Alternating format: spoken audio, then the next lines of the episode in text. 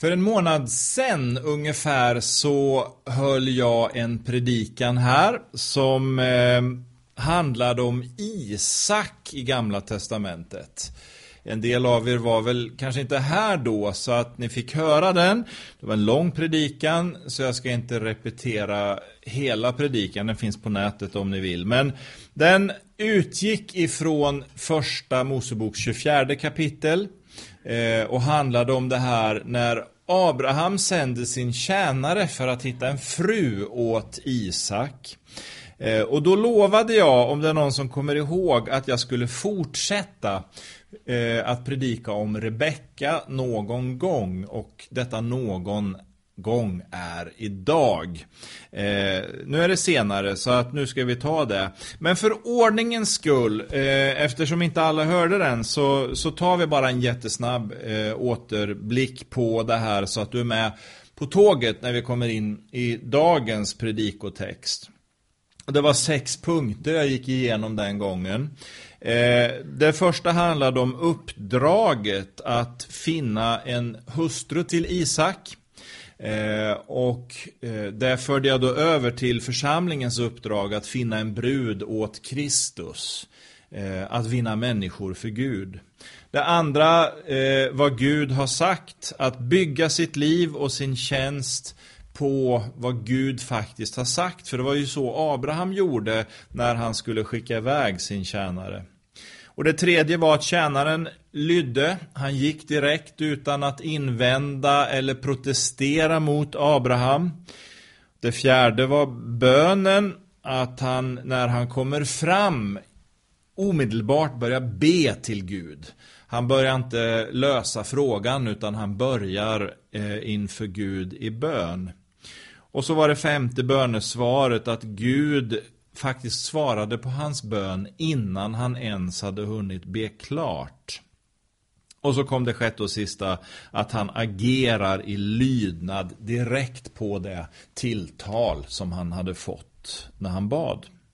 Och nu fortsätter vi idag med Rebecka och hennes reaktion när tjänaren kommer fram till henne med sitt förslag. Och du har texten här. Det hände att innan han hade slutat tala se, då kom Rebecka ut med sin kruka på axeln.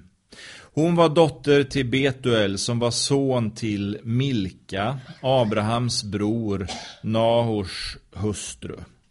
Det var en mycket vacker flicka, en ung kvinna som ingen man hade kommit nära. Hon gick ner till källan och fyllde sin kruka och steg sedan upp igen. Då sprang tjänaren emot henne och sa Låt mig få dricka lite vatten ur din kruka. Hon svarade Drick min herre och tog snabbt ner krukan i handen och gav honom att dricka. När hon hade gett honom att dricka sa hon, jag skall ösa upp vatten åt dina kameler också, tills de, andra, tills de alla har fått att dricka. Hon skyddade sig att tömma sin kruka i vattenhon och sprang sedan tillbaka till brunnen för att ösa upp vatten. Hon öste så upp vatten åt alla hans kameler. Mannen iakttog henne under tystnad för han ville veta om Herren hade gjort hans resa framgångsrik eller inte. När alla kamelerna hade druckit tog mannen fram en näsring av guld som vägde en halv sikel och två guldarmband som vägde tio siklar. Och han frågade Vems dotter är du? Säg mig det och finns det plats för oss i din fars hus över natten? Hon svarade honom, jag är dotter till Betuel, Milkas son, som hon födde åt Nahor. Och hon fortsatte, vi har gott om halm och foder, vi har också plats så att du kan stanna över natten. Då böjde mannen sig ner och tillbad Herren och sa Lovad vare Herren, min Herre Abrahams Gud, som inte har tagit sin nåd och trofasthet från min Herre. Herren har lett mig på vägen hem till min Herres släkt. Och flickan sprang hem och berättade allt sammans. Jag blir lika fascinerad varje gång att jag är på samma bild. på, på skärmen som här. Vi ber tillsammans. Ja, vi tackar dig Gud för din nåd och barmhärtighet. Vi tackar dig för att du i den här historiska händelsen vittnar om någonting större som också vi kan få del av här idag. Vi lägger den här stunden inför ditt ansikte och ber att din heliga ande ska levandegöra ditt ord för oss alla. I Jesu namn. Amen. Det första som jag vill lyfta fram idag här är Rebeckas tjänstevillighet. Vi har det i den artonde versen. När tjänaren kom och bad om vatten att dricka så började inte hon att argumentera. Hon muttrade inte över att åh vad jobbigt, nu måste jag ju jobba här. Utan hon går direkt till handling och börjar betjäna honom. Och du kommer kanske ihåg också från repetitionen här av första delen att uppdraget för oss eh, är att vinna människor för Jesus. Så tittar vi på det här nu, eh, på mönstret kring hur vi direkt gensvarar på vad Gud säger, eh, så har vi faktiskt en liten bild för detta i Lukas evangeliet där Jesus sänder ut sina lärjungar. Så finns det några steg där som vi kan lära oss av i det här och jag tänkte kort gå igenom dem. Lukas 10, vers 2-9. Det första som jag tänker på när jag läser det där är att när jag sänds ut i tjänst av Gud i, i någon situation så är det väldigt lätt att förfäras över att Gud ofta sänder oss in i de här situationerna där allt kanske inte är så enkelt och självklart. Det är klart att den här tryggheten och bekvämligheten som man ofta känner i de bekanta miljöerna är lättare att dra sig till. Men många gånger sänder Gud oss in i de här okända och kanske lite mer utmanande situationerna. Och då påminner jag också om det här att Gud vet våra förmågor. Han har ju lagt kapaciteten i våra liv. Så han sänder ju aldrig någon in i en situation som vi inte skulle klara. Men det gäller ändå i detta att eh, vara beredd och att gå när Gud eh, sänder oss. Och att då inte göra det med klagan eh, och, och, lite irritation och, och, mummel kanske då. Men måste jag gå dit? Är det inte bättre du sänder någon annan? Ni vet som Mose gjorde när han tyckte det är bättre att Gud tar eh, Aron istället. Han är bättre på att tala. Att gå direkt. Och så säger Jesus att vi är kallade att välsigna. Att inte gå ut och kritisera och bedöma och peka finger åt höger och vänster. Utan han säger, börja med att välsigna människorna. Det betyder inte att vi accepterar allt som händer och sker. Men vi är kallade att välsigna. Och så säger Jesus saker som får mig att tänka att vi ska se det långsiktigt istället för det här kort att irra omkring och pröva lite här och pröva lite där. Utan stanna i huset. Var kvar där. Och låt mig få verka det som jag har tänkt. Och det behöver vi påminna oss om i en tid som betonar känslor som vill styra oss. Och så kommer det andra som eh, Jesus talar om i detta, att börja betjäna de människor som man möter. Att ge av den gåva som Gud har gett oss till dem som vi möter istället. Och I det här fallet så talar han i, i, Lukas 10 om att bota och befria, men det finns ju också andra områden. Men att vi förstår att vår tjänst som kristna är att betjäna människor. Det kan vi påminna oss om. Och det tredje som också hör ihop med detta är att skapa relationer.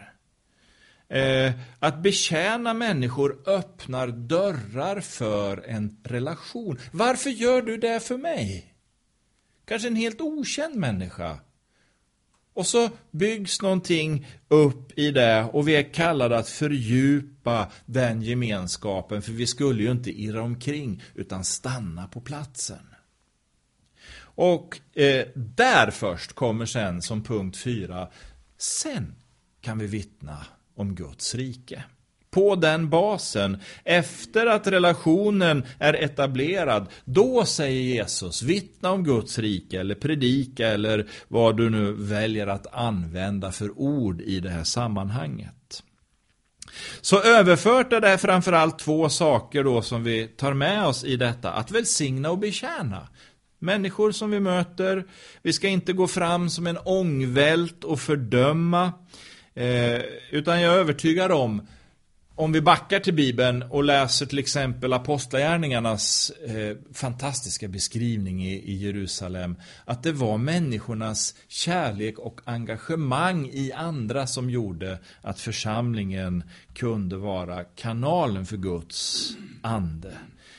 Eh, den osjälviskheten öppnade dörrar. Så tittar vi på Rebecka nu så var det självklart för henne vid brunnen eh, att betjäna mannen som hon mötte. Utan att gnälla och klaga. Eh, och så är det väl när vi alla möter människor fyllda av Guds ande. Vi blir en väldoft som Gud kan sprida ut. Som väcker en längtan hos människor. Paulus han säger också om det där i, i andra Korintierbrevet att det är Kristi kärlek som driver eller tvingar har till och med en översättning. Kristi kärlek tvingar mig att betjäna människor.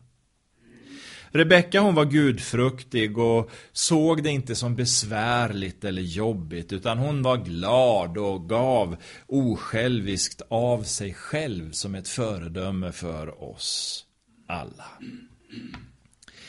Det andra som vi kan se är i vers 19 att det stannar ju inte bara att hon gav eh, tjänaren vatten att dricka. Det står att hon eh, också utan att han ens bad om det började fråga Vill du att jag ger dina kameler vatten? Och då vet vi ju om vi backar i texten att eh, det var tio kameler. Jag har ingen aning om hur mycket vatten en kamel dricker.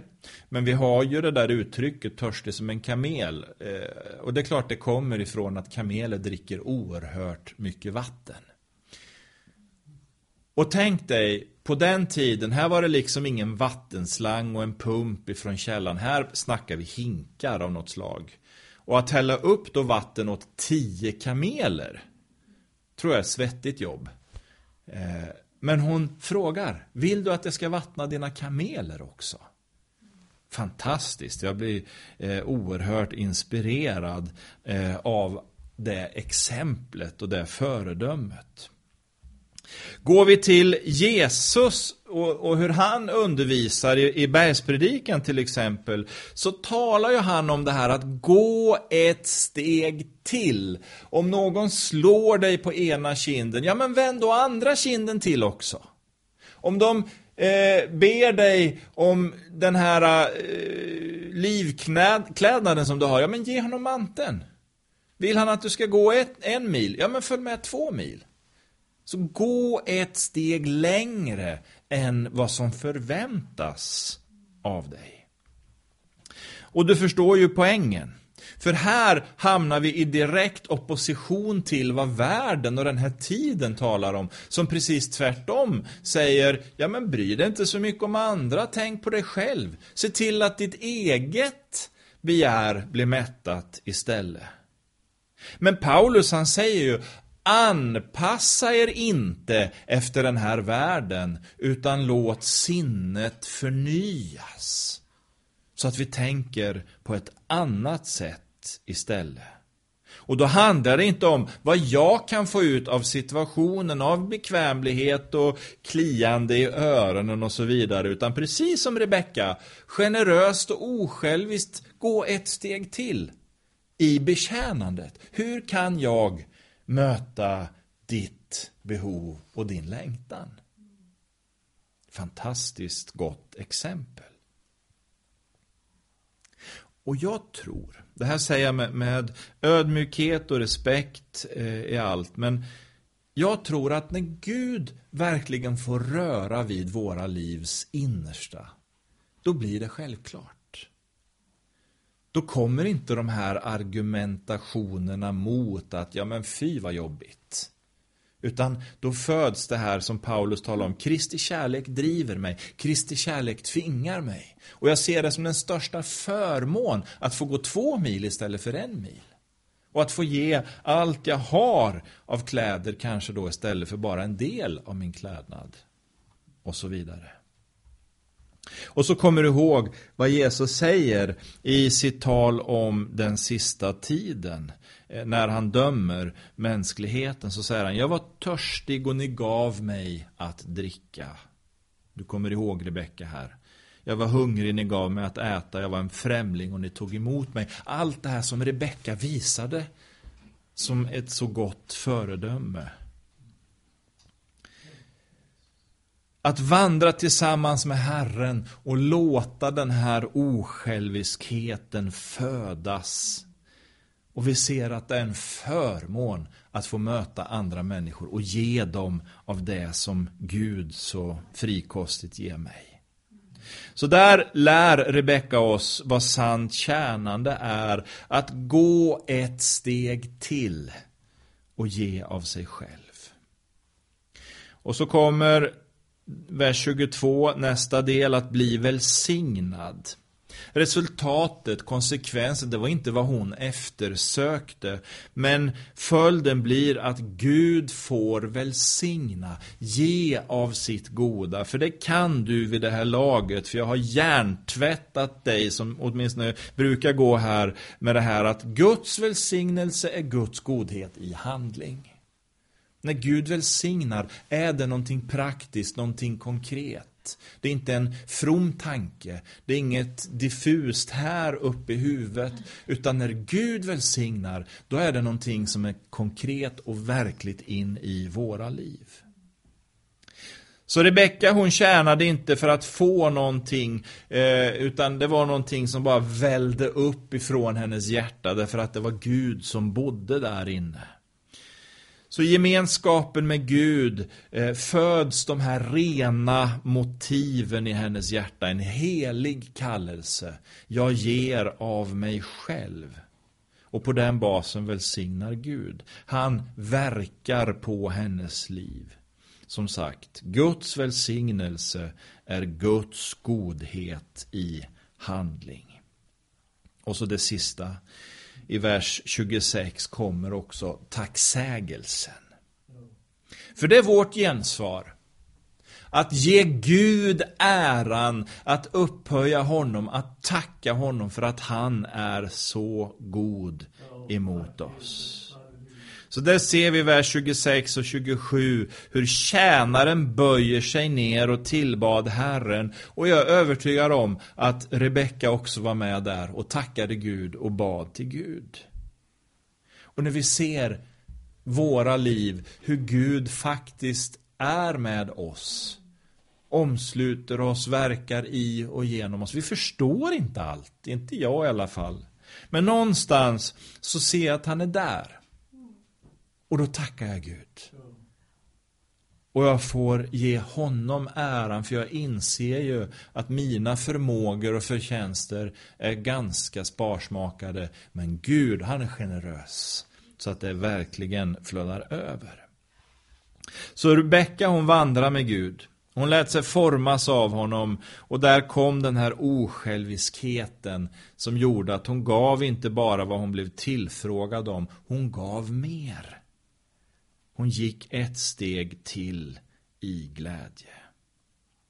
Och jag tycker att det här är ett så gott exempel på lärjungaskap, en vägledning för oss när vi möter människor idag.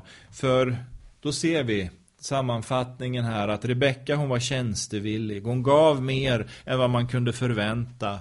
Herren välsignade och det naturliga gensvaret i detta är tacksägelse och lovprisning.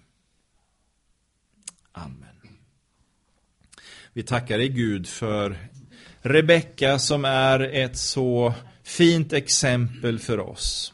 Tack för din tjänarinna, Herre, som genom sitt liv kan lära oss hur du tänker dig sant lärjungaskap. Jag ber att vi alla ska fyllas av din person, din verklighet, ditt liv och din sanning, Herre. Så att det här eh, ännu mer får ta gestalt i våra liv och bli som en naturlig frukt. En naturlig andens frukt att betjäna människor i glädje och tacksamhet. Amen.